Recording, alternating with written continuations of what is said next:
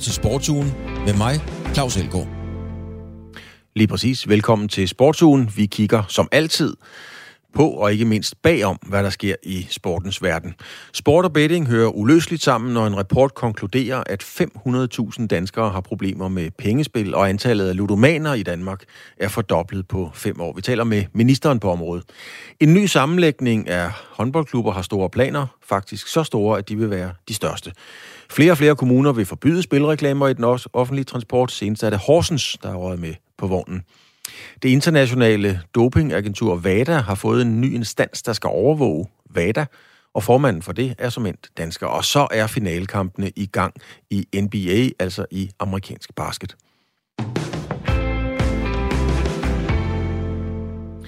En ny rapport siger, at knap 500.000 danskere har pengespilsproblemer. En fordobling på fem år siger tallene i rapporten, der er lavet af Rambøl for Skatteministeriet og for Spilmyndigheden. Rapporten fik meget hurtigt skatteminister, det er Jeppe Brugs, til at kalde tallene for et udtryk for et stort problem. Og i går fangede min kollega Niklas Stein så Jeppe Brugs for at høre, hvad han vil gøre, om det ikke kalder på handlinger fra politikernes side. Ja, det gør det. Altså, vi har et reguleret spilmarked. Det vil sige, at vi har et spilmarked, som vi forsøger med lovgivning at, at have kontrol over. Øh, vi kan ikke, også en erkendelse af, at vi kan ikke fjerne, at folk øh, spiller, øh, men øh, vi skal jo så sørge for at skabe nogle rammer om det, som, hvor det kan foregå på en ansvarlig måde. Øh, og derfor så har vi et reguleret spilmarked. Vi har noget af det er et monopol på lottospillene, øh, og så har vi andre spil, som er udbudt på licens, altså hvor private virksomheder øh, driver spil øh, på sport og andre ting. Øh, men, men alt det er under forudsætning af også, at, at dem, der spiller, sådan set også øh, kan spille med fornøjelse, men uden at komme i problemer. Og når vi kan se, at rigtig, rigtig mange mennesker kommer i pengespilproblemer øh, på baggrund af spil, øh, så har vi selvfølgelig ansvar for at kigge på den lovgivning, den er god nok. Og er det selve spilleloven, der skal kigges på? Jamen, jeg er klar til at kigge på, på, på flere dele. Altså dels hvordan vi har indrettet reguleringen af de spil, øh, men også øh, altså, kravene til de spiludbydere, der er osv. Og hvordan, øh, hvordan skal det arbejde gå i gang nu? Der bliver snakket om forhandlinger rundt omkring. Hvad konkret skal der komme til at ske nu?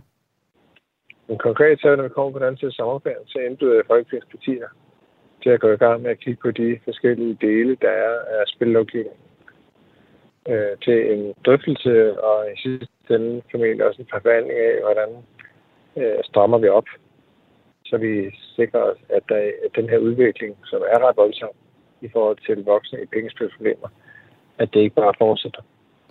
Du siger, du vil invitere Folketingets partier efter sommerferien. Kan du blive mere konkret? Altså, hvornår regner du med, at de kan sætte jer ned og, øh, og, og få det her for hånden? Ja, efter sommerferien. Så det er jo, vi er jo henne i august-september. Okay.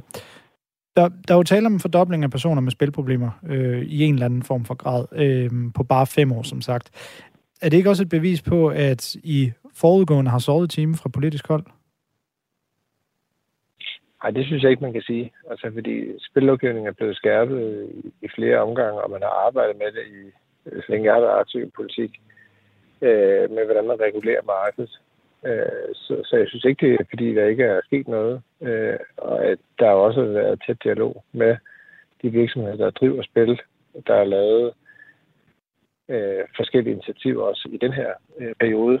Øh, så, øh, så nej, det synes jeg ikke. Men det er jo fuldstændig rigtigt, at når der er sket en fordobling af voksne i pengespilsspillinger over fem år, øh, så er det vidensbyrd om, at der er behov for at gøre noget mere. Hvor ligger ansvaret for øh, den her udvikling, som du ser det? Jamen, den ligger jo hos dem, der øh, udbyder spil. Øh, de har selvfølgelig det største ansvar. Og så er klart, som politikere, der skaber rammerne for det her, der har vi selvfølgelig også et ansvar. Og så har den enkelte et ansvar øh, for, at når man spiller, hvis man kan mærke, at man ikke kan kontrollere det spil, øh, og så øh, den stopper, hvis ikke man kan det, så få hjælp til det. Hvis vi lige prøver at vende tilbage til de her øh, forhandlinger, hvor, hvor, hvor langt, altså hvad kommer du til at gå ind til de forhandlinger med? Hvor langt er du villig til at gå? Jamen, der er ikke noget, jeg ikke er klar til at se på. Men, men noget af det, der optager mig meget, det er, dels kan vi se, at der også er en stigning blandt børn og unge, altså under 18 år, som selvom det er ulovligt, faktisk øh, kommer til at, at spille og også have udfordringer med spil. Øh, så kommer vi selvfølgelig til at se på, om den hjælp og rådgivning og forebyggelse, der er også på voksenområdet, om den er stærk nok. Øh, vi kommer også til at kigge på reklamemarkedet. Altså, øh, der er meget aggressiv markedsføring. Øh, og, øh, og hvad er effekterne af det, og er der behov for at stramme op på det? Du siger, at, at, at der bliver markedsført meget aggressivt øh, med hensyn til spilreklamer. Er der for mange spil, spilreklamer rundt omkring? Ja, det synes jeg, der er. Altså, øh, men men øh, altså, jeg oplever selv at blive altså, synes jeg, bombarderet med spilreklamer. Så, så jeg oplever det meget aggressivt. Men, men nu skal det ikke bero på, hvad jeg oplever eller synes. Altså, men mere på en faglighed omkring, hvad er det, der er vurderingen af mængden af det, og hvad, hvad betyder det i forhold til at drive folk ud i pengespilsproblemer. Men Italien har indført et komplet forbud for spilreklamer. Det gjorde det i 2019. Spanien de indførte så et forbud mod spilreklamer på stadioner og spiltrøjer, det vil sige på en eller anden måde i forlængelse eller i forbindelse med, med, med fodboldkampe. Kan der komme et komplet forbud mod øh, spilreklamer på tale? Jamen, altså, vi kommer til at kigge også på erfaringerne andre steder fra. Jeg tror nok, at som, som jeg forstår spilmarkedet i Italien, så er det anderledes indrettet, end det er i Danmark, uden at øh, på nuværende tidspunkt øh, redegøre for alle detaljer i det. Øh, men det er jo noget af det, vi kommer til at kigge på. Altså, hvordan ser det ud øh, i andre lande? Hvad har man erfaring, og hvad har man af viden i forhold til sammenkobling af reklamemarkedet og, og spil?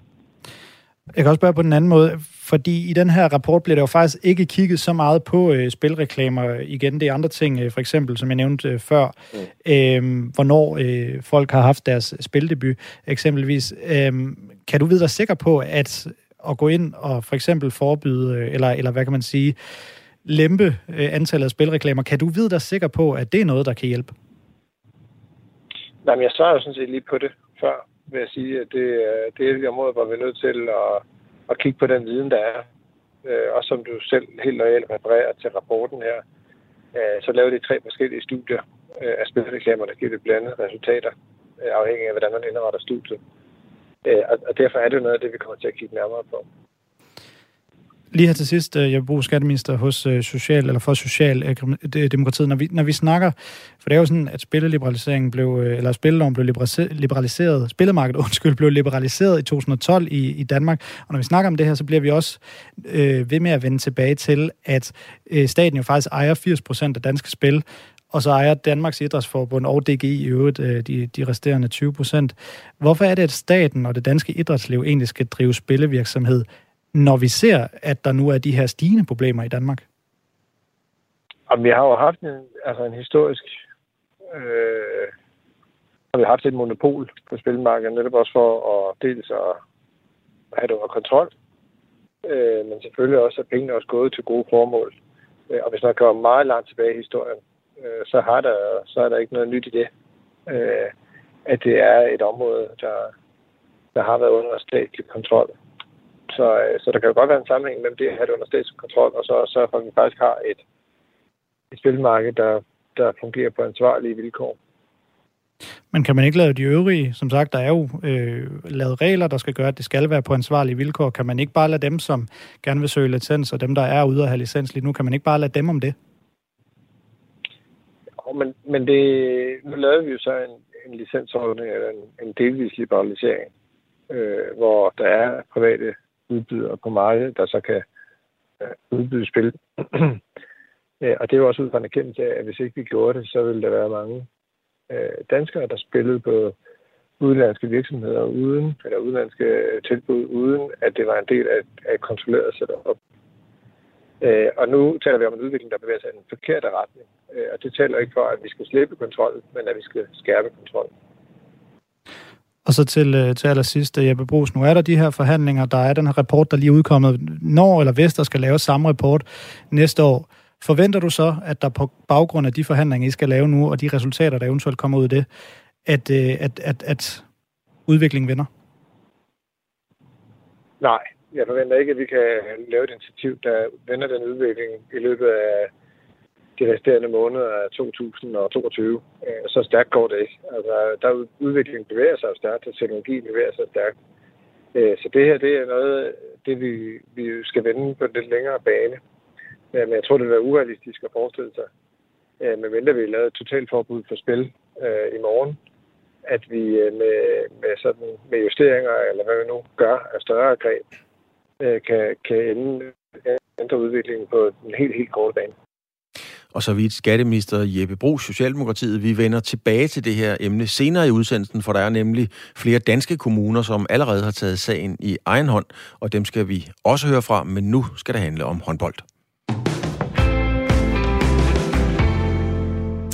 For Aarhus skal nemlig være Danmarks håndboldhovedstad. Så simpelt og alligevel meget ambitiøst lyder målet fra Aarhus HC, der er en ny håndboldklub i den næstbedste danske række for herrer og som i øvrigt er en sammenslutning af fem østtyske klubber. Etableringen af det her projekt fortæller du om i Aarhus Stiftstidende, Mathias Hansen, der er du nemlig journalist.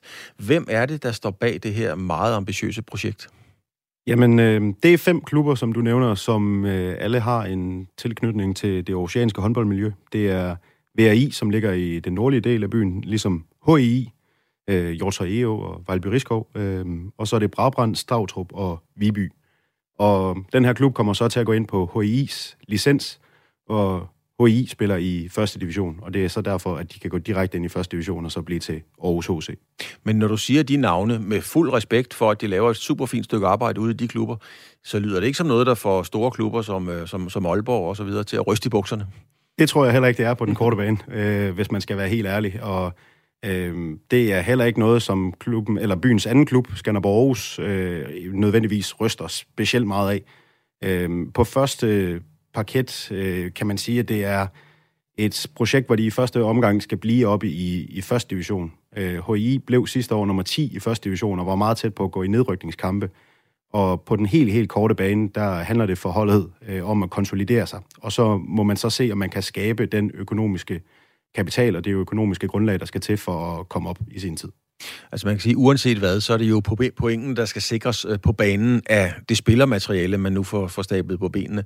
Men fremtiden og visionerne skal jo planlægges på de bonede gulje. Altså hvad er det for nogle folk, der står bag den her sammenlægning? Det er især, øh, det er især to øh, navne, som, som jeg synes, man skal nævne i den her sammenhæng. Først og fremmest så er det jo manden, der, der smider penge i det. Det er Systematics ejer, øh, Michael Holm. Han har smidt øh, 3 millioner kroner i det, og øh, det er sådan en, en slags startkapital. Og derudover så, så sidder Peter Brestorff Larsen øh, i bestyrelsen, og han har jo en, en ret flot karriere, må man sige, i dansk mm. herrehåndbold. Han har nogle, øh, nogle rigtig fine meritter, både som assistenttræner for det danske A-landshold, og også for, for Bjerringbro Silkeborg som, øh, som cheftræner. Han, øh, han skal sidde i bestyrelsen, og det er de to mest øh, gennemgående navne, der, der går igennem det her. Øh, og for hvis man kigger på, på det hold, som der lige nu ser ud til, at der skal spille, jamen så er det HI's første divisionshold, der skal fortsætte.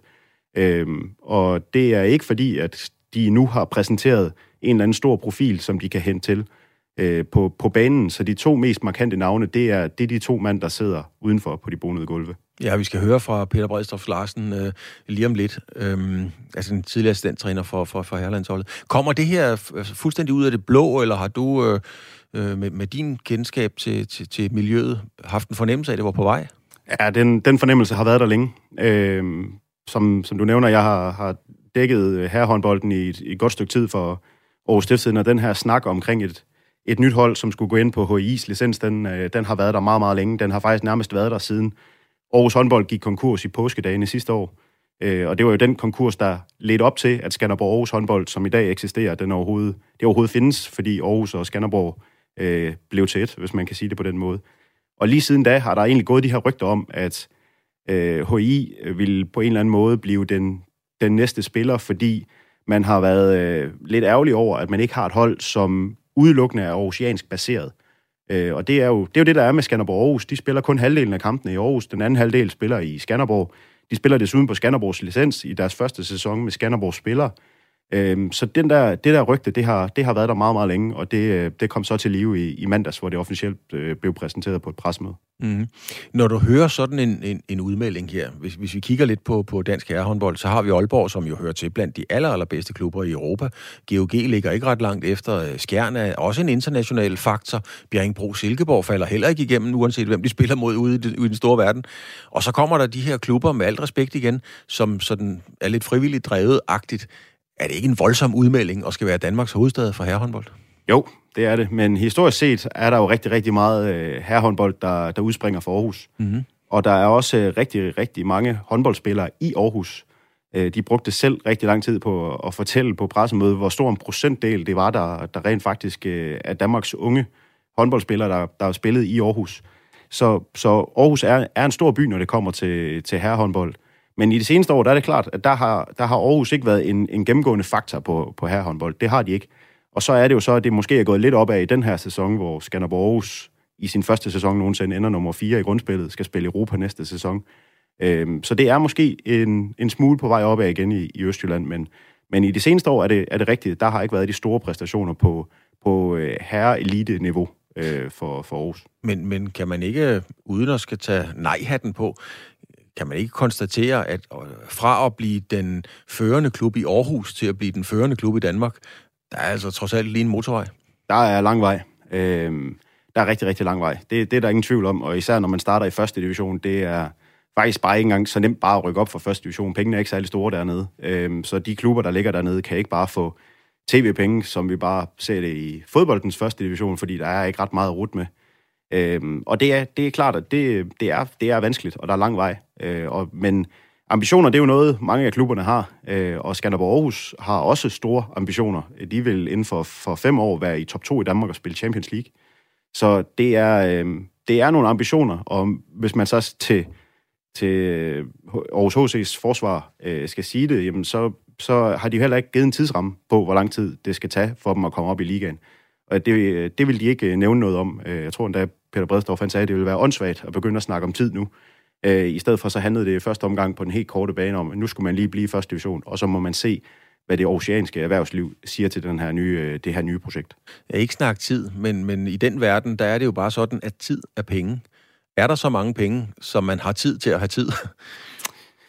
Nej, men det kommer jo an på, hvad det oceanske erhvervsliv siger til det her projekt. Øhm, I sådan en, øh, en, en kort historisk kontekst, så var det jo grunden til, at Aarhus håndbold i sin tid gik konkurs øh, det var, at det oceanske erhvervsliv øh, ønskede ikke nok at bakke op omkring Aarhus håndbold. Og på det tidspunkt var Aarhus håndbold altså en ligaklub øh, med, med Erik Veje som cheftræner og en, øh, en, en rimelig fin øh, spillertrup, uden tvivl. Øh, og derudover så fik man jo også senere at vide, da Aarhus og Skanderborg lagde sig sammen til den her nuværende Skanderborg Aarhus klub, at Skanderborg også havde økonomiske problemer.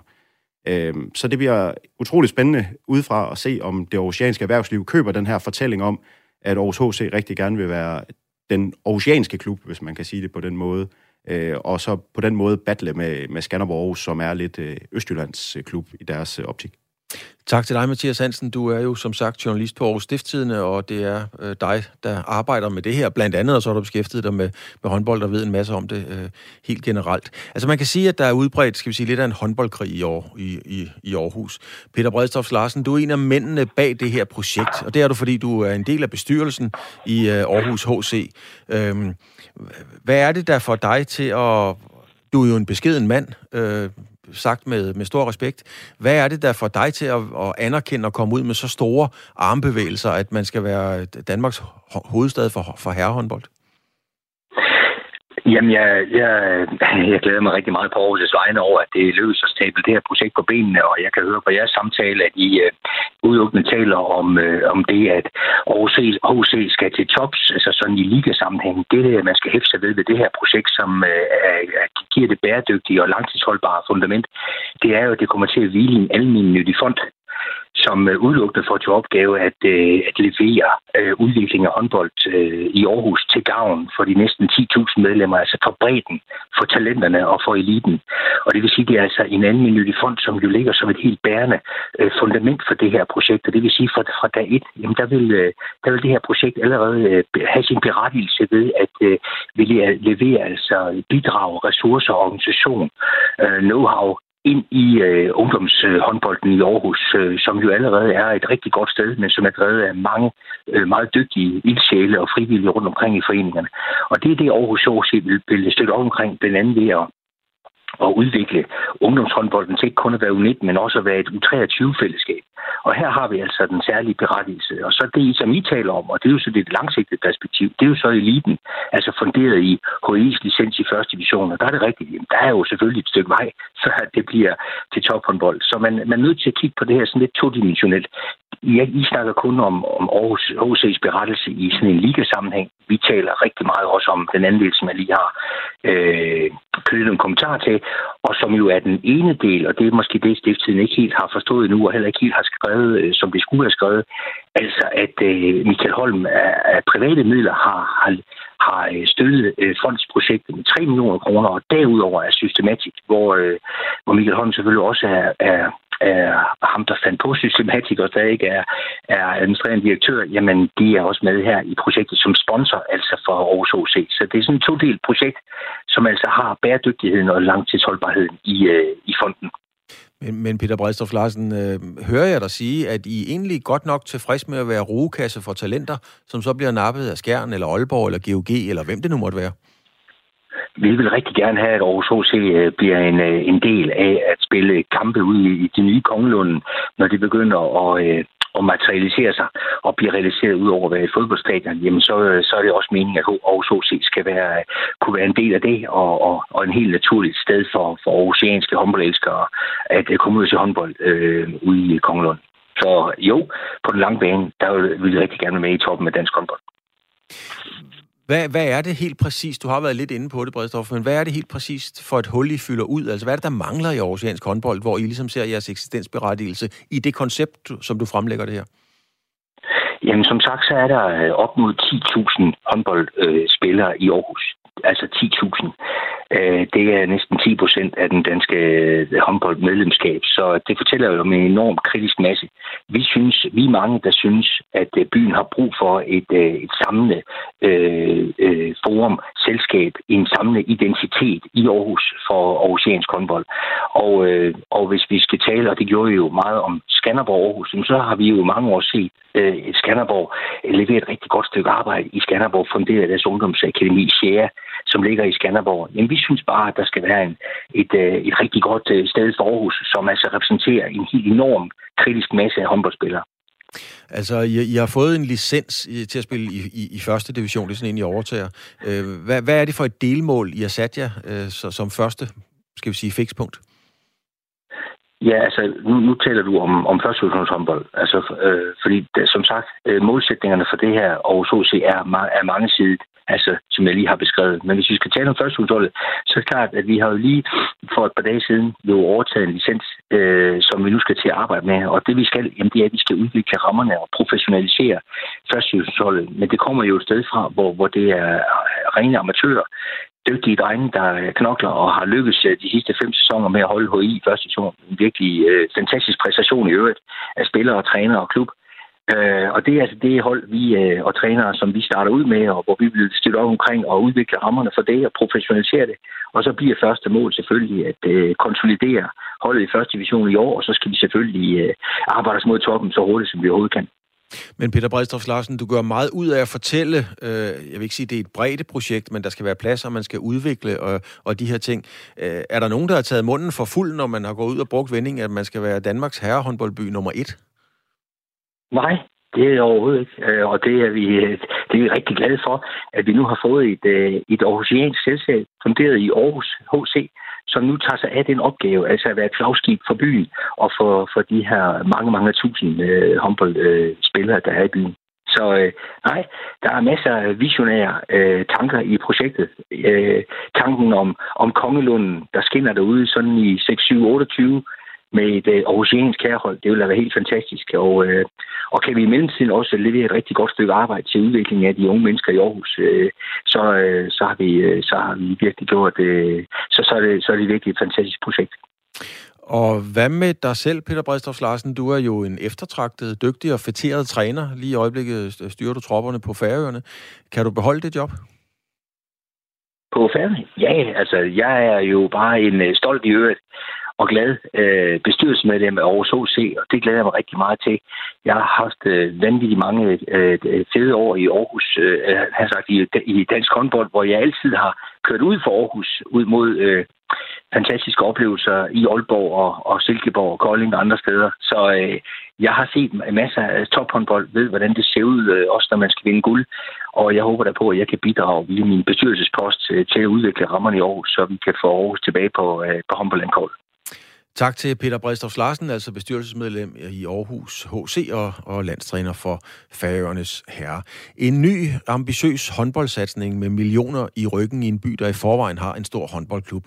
Det er altså det nye billede i aarhusiansk håndbold, og det ligner jo mere et billede, vi har set måske i herrefodbold, hvor pengene også flyder i en lindstrøm. Men hvordan ser det egentlig ud med økonomien i dansk håndbold? Det ved du noget om, Rasmus K. Storm, analyse- og forskningschef på Idrættens Analyseinstitut. Overrasker det dig, at vi ser et firma kaste millioner i et håndboldprojekt i Aarhus? Øh, jamen, det kommer jo helt an på, hvad intentionen med at gøre det er. Øh, hvis, man, hvis man betragter det ud fra sådan et øh, stringent øh, økonomisk synspunkt, altså at, øh, at man vil have noget tilbage, så kan man jo godt få det, hvis man, hvis man får en god opmærksomhed omkring projektet, og man på den måde får omtale omkring sit, sit firma. Ikke? Øh, hvis det er fordi, man isoleret set vil tjene penge på at indskyde nogle penge i det her, og så vidt jeg hører, så er det jo heller ikke lige det, øh, sådan setup'et er, men hvis det er det, der er formålet, så, har, så er det svært at finde gode cases på øh, i historisk og selvfølgelig også aktuelt, at øh, dansk håndbold er en god forretning. Så, så det er jo nogle andre ting, det skal handle om, hvis det er det. Øh, og det er jo også lidt det, jeg hører øh, hvad skal man sige, projektet handler om her. Ja, altså jeg har i mine mange år som journalist jo været med til at lave interview om sammenlægninger i håndbold, fodbold, badminton, ishockey og cykelløb, og hvad pokker det nu hedder. Øh, meget lidt af det lykkes. Øh, det, kan, det handler om økonomi. Hvordan er den, den økonomiske situation, eller det økonomiske miljø omkring håndbolden lige nu?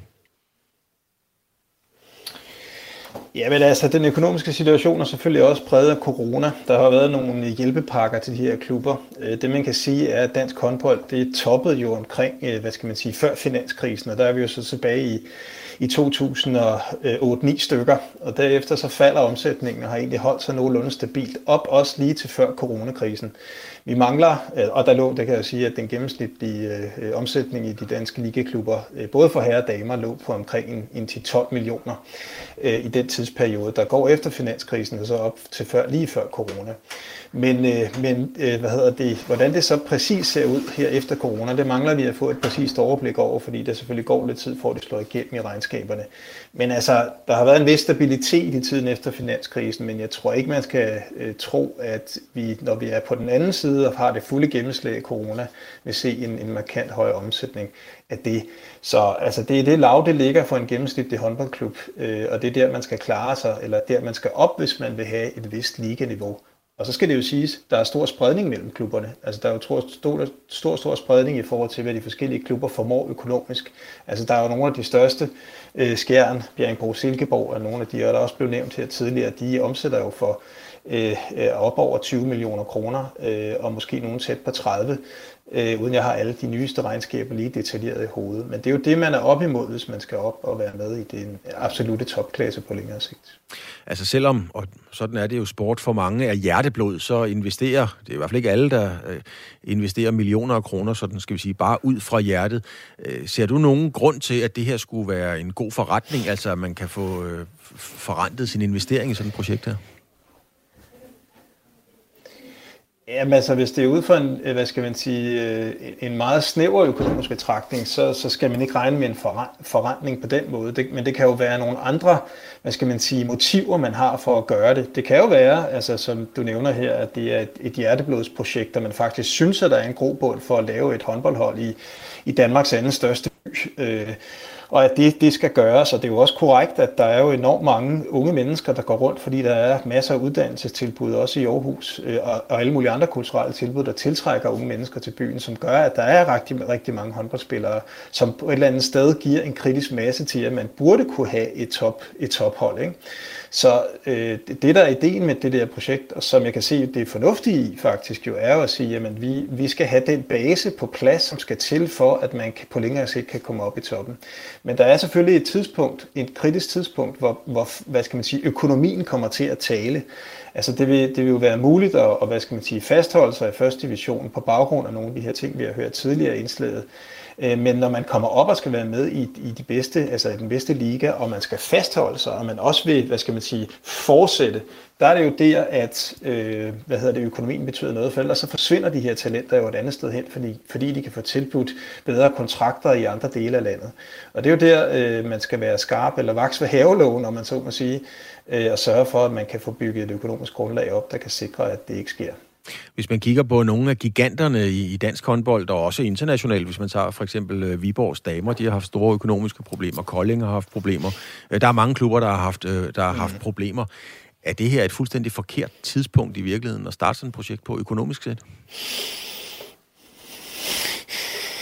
Uh, altså, det er jo et godt spørgsmål. Man kan sige, hvornår er det rigtige tidspunkt at gøre det? Altså, det, er jo, det er jo igen tidsperspektivet, man kan diskutere. Ikke? Uh, Nej, altså vi står jo selvfølgelig også over for en general, nogle økonomiske udfordringer i samfundet generelt med stigende inflation. Øh, der er så også nogle positive elementer i økonomien, kan man sige, som, som tæller en anden vej. Det kommer jo helt an på, hvordan det lokale miljø er, og hvor, hvor, hvor godt man vil det, altså, bakke op sponsormæssigt, indtil man kommer op på et niveau, hvor man også kan tiltrække sig altså, øh, hvad hedder det, nationale sponsorer, som ikke bare er interesseret i, eller som kan få medieeksponering nationalt, i stedet for bare at have en lokal, hvad skal man sige, forankring og en mulighed for at komme ud af det lokale miljø. Altså, det, det, det er jo det, og, og, og det vil der, det vil der, min vurdering er, at, at det er der jo nogle muligheder for, men det kræver jo også ikke bare knofedt, men jo også god, hvad skal man sige, forretningskompetence og, øh, hvad skal man sige, hårdt arbejde at få tiltrukket nogen. Altså, det tidligere Aarhus-projekt gik jo netop, det var selvfølgelig også et, et corona, kan man sige, relateret dødsfald, hvis jeg må være så grov at sige det på den måde, øh, så det måske kan lyde lidt politisk ukorrekt, men det var jo blandt andet på grund af nogle økonomiske problemer, der opstod i forbindelse med øh, coronakrisen, om man så må sige. Øh, og det skal man jo på en eller anden måde... Øh, det skal man jo arbejde videre med nu, og så sige, hvordan får vi så øh, genetableret en tillid til, at et nyt projekt det kan bygges op for grunden. Øh, og, og det er jo det, der er den centrale udfordring, og så er det, jo, så er det det lange seje træk, der skal til. Det lange seje træk, Rasmus K. Storm, analyse og forskningschef i Idrættens Analyseinstitut. Tak for din øh, analyse og vurdering af det her nye projekt.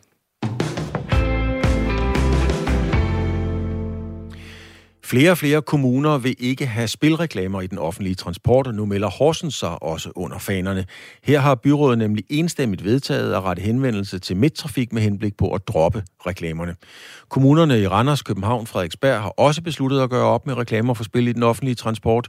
Aarhus er måske på vej med restriktioner, og der er flere andre kommuner også, der vil følge trop. Reaktionerne kommer især efter en rapport konkluderer, at antallet af ludomaner i Danmark er fordoblet på fem år. Og vi hørte jo tidligere et interview med skatteminister Jeppe Brugs, og her spurgte vi faktisk også skatteministeren ind til den her situation, hvor det altså er lokalpolitikerne, der selv begynder at regulere på området. Og det skal vi høre mere om lige her.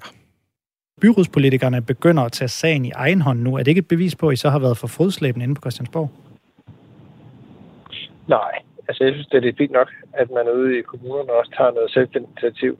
Øh, det behøver ikke at være en modsætning til hinanden. Og nu skal vi så til en af dem, der er enig i det i en af kommunerne, der har taget sagen i egen hånd. Min kollega Niklas Stein ringede tidligere i dag til borgmesteren i Horsens, han hedder Peter Sørensen, han er socialdemokrat, og spurgte ham, hvorfor de i Horsens har valgt at sige nej til spilreklamer i den offentlige transport. Jamen altså først så skal jeg sige, at det er et forslag fra Dansk Folkeparti i Horsens Kommunes byråd, der har, der har stillet det, og det er et enige byråd tiltrådt, at vi gerne vil række en henvendelse ud til Landets Trafikselskab, om, at øh, de skal overveje, om man kan fjerne spilreklamer i øh, de busser, som øh, kører i Horsens Kommunes øh, regi. Og det har vi jo af den simple årsag, at vi synes, at øh, der er massiv reklame på det her område, og, og vi tror jo ikke på, at det i sig selv øh, hjælper i, i borgere, der kommer i klemme i forhold til ludomani eller andet, at man gør det i busserne. Men vi gør det jo fordi, at vi noterer os jo, at øh, det pres, der kommer fra blandt andet en lang række kommuner i Region Midtjylland på det her område, det påvirker lovgiver på Christiansborg til at lave nogle bedre og klare regler for, hvordan man må reklamere spil, der kan have store konsekvenser for borgerne. Har I overhovedet... Nej, jeg vil lige starte et andet sted. Jeg vil lige have fat i det sidste, du siger her, fordi øhm, jeg har interviewet øh, skatteminister øh, Jeppe Brugs, hvor jeg blandt andet spørger om øhm, om det her med, med, med kommuner, der vælger at tage sagen i egen hånd, hvis man kan sige det på den måde. Han siger, at, øh, at det er fint, men at det ikke er et symbol på, at de er fodslæbende inde på Christiansborg. Er du enig i det? Er det her ikke øh, omvendt et symbol på, at, at, at de, øh, de skal råbe negle inde på Christiansborg? Jamen altså, jeg noterer mig, at da Randers Kommune går ud med det her, så er der også politiske partier på tværs af hele Christiansborg, som, øh, som anerkender, at det er, det er et område, man skal have kigget på. Øh, jeg tænker jo, det der med at tro, at man kan fjerne reklamer helt, også med udlandske streamingtjenester og andet, øh, det er svært. Men det, at man får sat nogle regler for, hvor massivt man må markedsføre øh, spilreklamer, det, det giver mening, når man tænker på, hvor mange mennesker, der bliver ramt af ludomani, en, en sygdom, øh, der også giver et, et forfærdeligt øh, efterspil, når man engang er rask, i og med, at man har enormt stor gæld. Øh, så derfor giver det her mening, at man regulerer det her område på en anden måde, end man gør i dag. Men er det ikke en opgave, der i og for sig ligger på Christiansborg? Jo, men en gang imellem, så er det jo også sådan, at, øh, at kommunerne kan være med til at sætte en dagsorden. Og det, det som er sket i flere kommuner, der blandt i Horsens på baggrund af Dansk Folkepartis forslag, det er jo, at vi sender et klart signal til Christiansborg om, at her skal vi øh, have reguleret på en anden måde, hvis det stod til os lokale politikere. Og jeg noterer mig også, at øh, Christiansborg siger, at øh, det vil de gerne kigge på. Nu har I så øh, konkluderet, at I synes, det er en god idé at fjerne spilreklamer fra offentlig transport. Det, det er jo så i sidste ende en, øh, et valg eller en beslutning, der skal ned, forbi, ned omkring øh, midttrafik, som kommunen jo selvfølgelig er medejer af. Har I overhovedet et juridisk mandat eller hjemmel til at forbyde reklamer?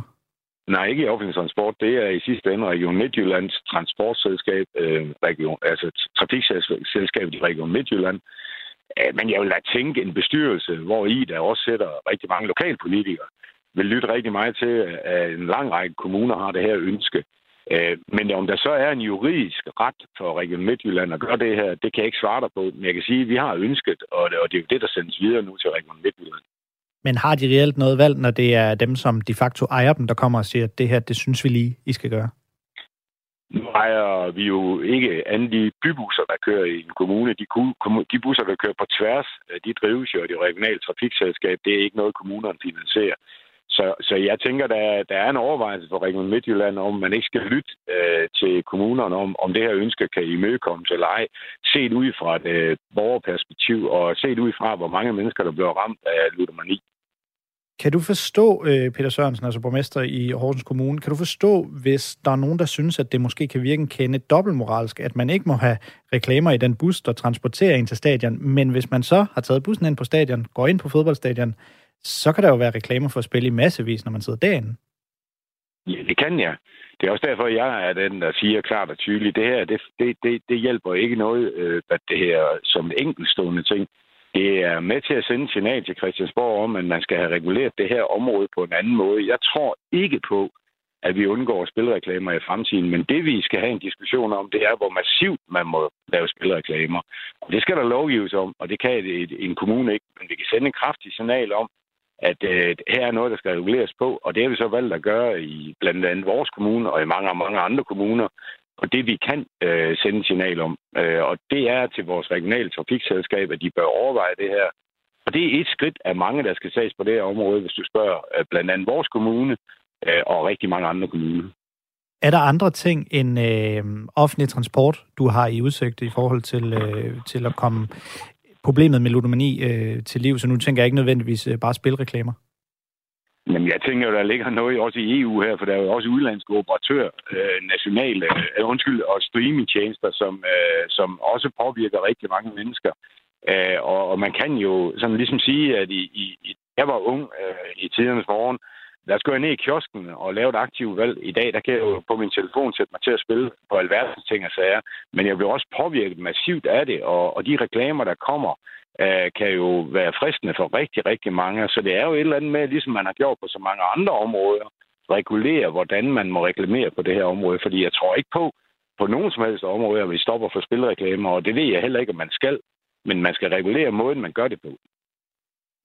Det, øh, det med spiller eller streaming-giganter eller øh, streaming-service-tjenester, som, som, som du nævner her, det tror jeg dog alligevel ikke er noget, der kan klares på, øh, på kommunal øh, niveau. Men, Nej, men, der sagde jeg jo netop også, at det var EU, der skulle på banen. Ja, ja nemlig, men, men jeg spørger ja. fordi, eller jeg siger det, fordi jeg vil gerne, øh, kan, du, kan du blive mere, nu, nu siger du det her med at sende et øh, signal, at det er også noget, øh, man kan gøre ved at, ved at indføre det på, øh, på kommunalt niveau. Kan du, kan, du blive, kan du blive mere konkret? Kan, kan I gøre noget for at få et, øh, et større forbud øh, generelt mod spilreklamer længere ud? Det, det har vi ingen lovgivningsmulighed for. Vi kan spørge de operatører, der er øh, på området, øh, som vi har samarbejder med, om, og som, som jeg reagerer for før, Region Midtjylland, øh, om man vil være med til at kigge på det her område. Vi har ikke lovgivningsmæssige andre muligheder. Det siger sig selv. Det er ikke os, der er lovgiver, det er dem på Christiansborg. Og sådan sagde altså Peter Sørensen, der er borgmester i Horsens Kommune, som vil afskaffe spilreklamer i den offentlige transport. Og i den kontekst har vi fået en øh, uh, sms fra Anne Vibeke. Hun skriver til os her, jeg var i biffen for første gang længe i går. Tre lange, lækre spilreklamer og tre cola-reklamer røg over lærret inden filmen. Det er sgu da for vildt, at livsstils- og folkesygdomme helt lovligt kan promoveres.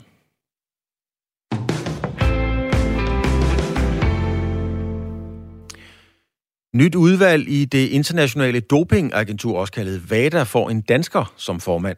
Det er et nyt uafhængigt etisk udvalg, som skal sørge for, at VADAs, VADAs etiske kodex bliver overholdt.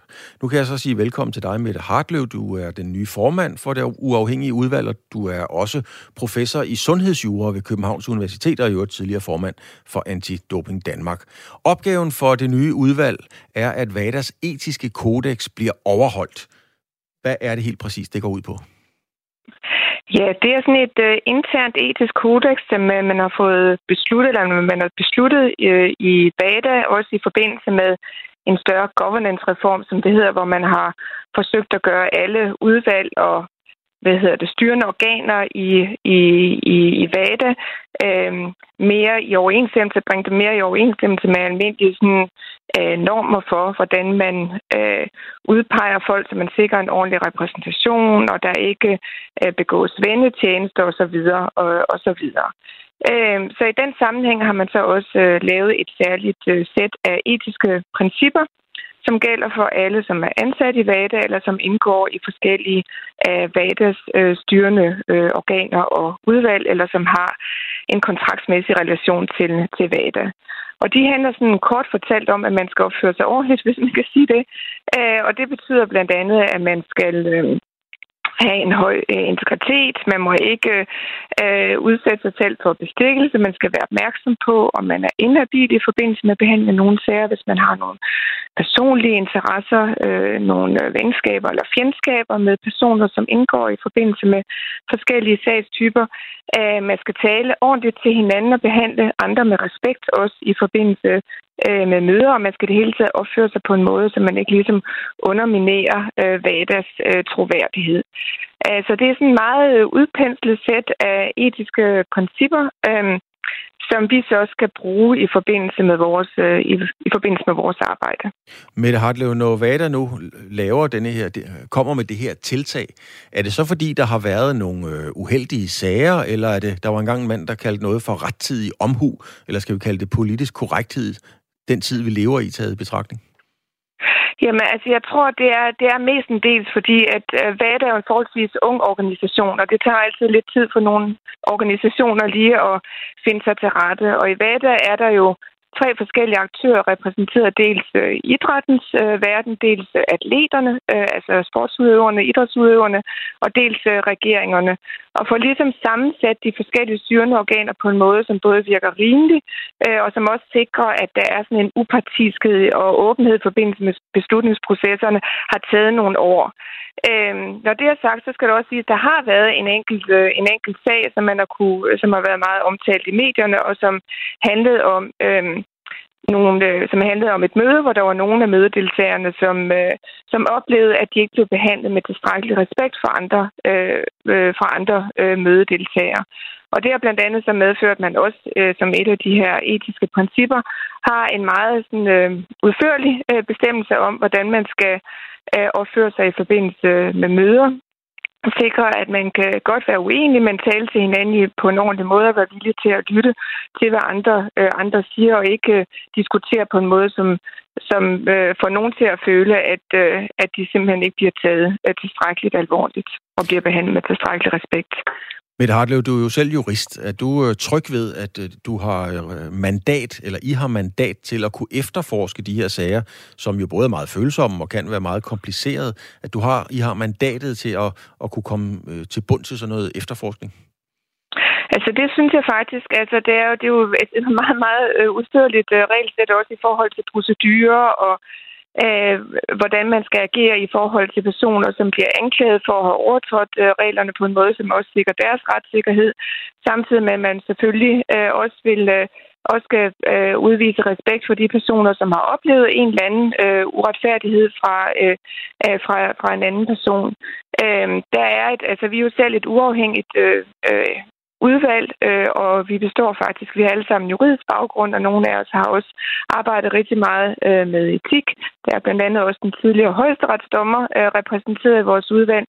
Og der er en række procedureregler, som fuldstændig svarer til dem, man kender fra almindelige processer øh, her i landet og i alle andre lande i forhold til at, øh, at sikre, at øh, folk bliver ordentligt hørt, og der er åbenhed omkring det, der foregår i, mellem de parter, der indgår i det, øh, og at der er mulighed for, at man kan anke en, en øh, af de afgørelser, som vi træffer øh, til, øh, og i det her tilfælde vil det så blive til den sportsdomstol, der sidder i Lausanne. Men har det jo, øh, man kan måske sådan med lidt, øh, med lidt bred pind sammenligne det med, vi kender det fra amerikanske film, Internal Affairs, altså en, en gruppe i politiet, der undersøger sig selv, kan man sige, politiet. Øh, og de er aldrig ret populære. Øh, hvordan har du det med, at du i nogens øjne måske skal ned og stikke en kollega, havde han sagt, men du skal ned og kigge på dine egne. Altså, hvordan er det egentlig at gå til sådan en opgave? Altså man kan sige, nu er vi jo faktisk så uafhængige, så vi kommer ikke på den måde rigtig til at kigge på, på, på vores egne. Men det er klart, det er der aldrig en, øh, altså det er der altid et, øh, et stort ansvar at skulle øh, undersøge konkrete og alvorlige anklager mod, mod andre personer. Øhm, men der vil jeg så også sige, at når man er jurist, så er det jo faktisk det, man er trænet til at kunne gøre, og kunne gøre det på en neutral og objektiv øh, måde, som er i overensstemmelse med almindelige retsprincipper. Men jeg vil da håbe, vil jeg sige, at vi ikke får særlig mange sager, og at vi faktisk øh, med den her, med de her nye principper, og ved at udbrede kendskabet til den, måske øh, have nogle øh, øh, seminarer, hvor man diskuterer omfanget af dem, og hvad de egentlig mere præcist indebærer, kan, kan forebygge, at der opstår sager. Det må jo være det fornemmeste opgave, kan man sige, for sådan et organ som, som vores er, at sikre, at det her det bliver en fuldstændig naturlig, tid, øh, en naturlig del af den arbejds- og beslutnings- og diskussionskultur, som der er i øh, VADA, så vi ikke behøver at, at tage den store sanktionskasse i brug. Mette Hartlev, formand for det internationale dopingagenturs nye uafhængige udvalg. Tak fordi du havde tid og mulighed for at være med. Det var en fornøjelse.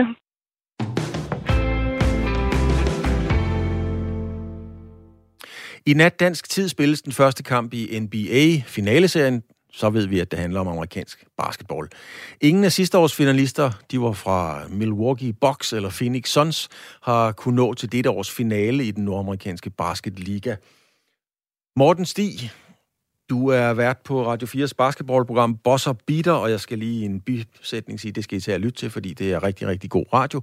Øh, hvor opsigtsvægtende er det, at ingen af sidste års finalister er nået så langt her, Morten Stig? Ja, men det er meget opsigtsvægtende. Altså, vi snakker her om øh, Milwaukee, som der lignede et hold, der godt kunne have, have genvundet øh, helt skidtet for at være helt ærlig, men de mistede deres næstbedste spiller i anden runde af slutspillet, Chris Middleton, og, og han spillede simpelthen ikke mod Boston, og så var, så var de simpelthen lige for, for korte på, øh, på offensiven på grund af det. Så de rører ud i, i syv kampe til Boston Celtics, hvor man sidder og tænker, så nu, nu er der lagt i kakkeloven til noget helt nyt. Øh, det var lidt anderledes på den anden ende af landet der i Phoenix, fordi at, øh, de rører også ud i, i syv kampe i anden runde, men de leverede simpelthen en, en kamp der i kamp 7, som der var øh, under al kritik. Altså de, de dukkede nærmest ikke op. Det var øh, en af de mest lavede præstationer, jeg nogensinde har set for et hold. Så øh, det, det er meget øh, opsigtsvækkende, at øh, de her to klubber, som man har fulgt gennem hele sæsonen og tænkt, ja ja, de skal nok vende tilbage igen, at, at de simpelthen ikke repræsenterer øh, finalerne i år. Ja, lad os lige, øh, Morten, lad os lige blive ved Phoenix Suns, fordi de tabte jo altså med 33 point til Dallas Mavericks, og vores egen det siger vi jo, vores dansker i NBA, Ife Lundberg. Han kom jo til Phoenix Suns lige inden årets øh, playoff. Han så kampen fra sidelinjen, og han sagde sådan her til Bosserbeater efter. Vi kom, kom meget let ud fra start. Uh, ufokuseret, med ikke nok energi, uh, ikke nogen vilje, og jeg forstår det selvfølgelig bare ikke, fordi det er en kamp om liv og død, og og kamp 7 på hjemmebane, og det, det var derfor, at vi, vi de har arbejdet så hårdt hele sæsonen. Det var netop for at, at få hjemmebanefordelen i en potentiel kamp 7 i playoffs. Og tabe det, altså en ting er at tabe og ryge ud så tidligt, øh, men på den måde, det, øh, det var underligt. Det var rigtig underligt. Ja, det er jo noget, jeg nødt til. Og i nat gælder det så øh, finale-serien mellem Golden State Warriors og Boston Celtics. Og det er 10, siden, 10 år siden, at Boston Celtics øh, har været i finalen. Øh, hvad er det for en udvikling, øh, Celtics har været igennem? Jo, altså de har gået igennem en, en ungdomsbevægelse. De har jo fået en Jason Tatum og en Jalen Brown ind, to øh, meget agile og versatile wingspillere, som man kalder det. Det er sådan to spillere, der kan spille flere forskellige positioner. De kan begge to håndtere bolden, de kan begge to tage beslutning med bolden i hænderne. Og så har de fået sådan nogle komplementære rollespillere rundt omkring sig. Øh, spillere, som der er meget defensivt, øh, defensivt dygtige, men kan samtidig også deltage offensivt. Øh, Celtics har nok ligaens bedste forsvar, hvis jeg skal være helt ærlig, når alt kommer til alt. De har øh, solide forsvarsspillere på alle positioner, og så har de bare lige fået lidt mere kraft og lidt mere firepower offensivt over de sidste par år. Så det er på ingen måde et ringehold, der repræsenterer Eastern Conference her i år. Altså man har jo talt om, er, er der nogen steder i verden, man laver analyser, så er det jo i amerikansk sport, og det er lige meget om det er i curling, basketball eller boksning, der er analyser og statistikker på alt. Og man har også talt om, at spillet i NBA har udviklet sig til at handle om, hvilket hold, der er bedst til at lave trepointscoringer. Og det er simpelthen også en tendens, der er fortsat i den her sæson, i hvert fald hvis man øh, kigger og tror på, på statistikken. I den kontekst, Morten Stig, hvis den holder, hvis den tese holder, hvis præmissen holder, som det hedder, trepointscoringer, øh, hvem står så bedst rustet? Nej, det gør Golden State Warriors helt sikkert. Altså, de har de to bedste trepointskytter nogensinde i historien af spillet i Stephen Curry og Clay Thompson.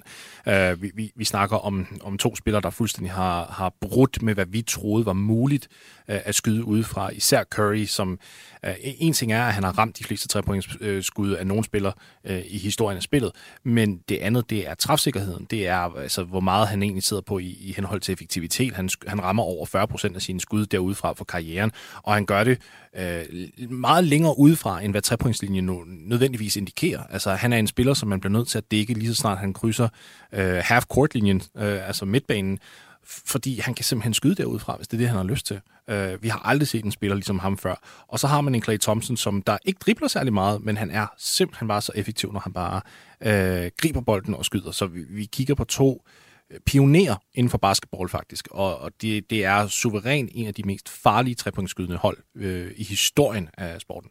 Men vi har jo også set selv Lionel Messi brænde vigtige straffespark. Hvis nu de to drenge her, de øh, ikke sænker de tre points der, øh, krakelerer holdet så også, ligesom øh, Phoenix Suns gjorde? Jeg vil i hvert fald sige, at så kommer de i problemer. Altså trepointskuddet, det er et, et våben, de skal læne sig op af, absolut, fordi de har ikke nødvendigvis nok talenter til at kunne komme ind mod ringen hele tiden hvis de ikke kan, kan balancere det med et skud udefra. Det her det er en meget delikat balancegang, og den skal de leve op til. Mm. Og hvad gør man? Øh, hvad, hvad er det taktiske spil, hvis du ligesom skal sætte os ind i det, når vi glæder os til at se den her kamp? Hvad er det, man skal gøre for at, at, komme, at spille udenom dem, kan man sige, hvis man er modstanderholdet? Altså, du tænker trepointsskud? Ja. Jo, altså du, du skal jo prøve at jagte den fra, fra trepointslinjen. Altså det, du skal jo ud og, og dække meget hårdt op derude. Du skal løbe ud, og du skal conteste, som det hedder, de her trepointsskud, og tvinge dem til at, at drible ind mod kurven i stedet for. Det vil i hvert fald også være det, som Boston nok kommer til at prøve at gøre, fordi de har et rigtig godt forsvar nær kurven. Så de ved udmærket godt, at hvis det lykkes for dem at tage Stephen Curry og Clay Thompson og andre spillere væk fra trepointslinjen, og de tvinger dem ind mod kurven, jamen så har de altså nogle store øh, gutter derinde i Al Horford og Robert Williams, som faktisk kan sende skud tilbage. Altså det virkelig forsvare kurven. Så det handler om for dem at få, øh, få Golden State ind mod kurven helst. Øh, og det kan jo lyde helt mærkeligt at sige, at vi er gerne ind og, og prøve at lave layups, fordi det er jo et, et højeffektivitetsskud. Men ja, i, i det her scenarie, så vil du langt hellere have, at Golden State de skal prøve at angribe øh, indenfra end udefra. Morten Stig, den her snak om, øh, om de her tre point og tendensen, om det er det, der afgør det, det er der nogle eksperter, der mener, men du er jo mindst lige så meget ekspert, og du er ikke nødvendigvis tvunget til at mene det samme. er du enig i analysen og opfattelsen af, at det er tre points sænkningerne, der afgør spillet? Nej, jeg, jeg, jeg, jeg kan godt være enig i, at det, at det er med til at afgøre noget, men det, det, den kritik, som, som du henviser til, det er jo, at, øh, at der er folk, der mener, at det har ødelagt spillet. At spillet er blevet for, for, for udsigeligt nu, fordi alle skyder træer, og det synes jeg er, er noget værre røvl, fordi en ting er, at vi ser et større skillset, som man kalder det, altså at folk er blevet bedre til at skyde udefra, men det kræver jo også en defensiv justering. Så vi ser faktisk en, en effekt, hvor andre mandskaber så siger, nå, nu ved vi, at det her trepoints skud er blevet så etableret, nu skal vi også strække forsvaret ud. Basketball er i sin guldalder, og vi har aldrig set spillet være bedre, end det er lige nu, og det er delvist også på grund af den evolution inden for trepointskuddet.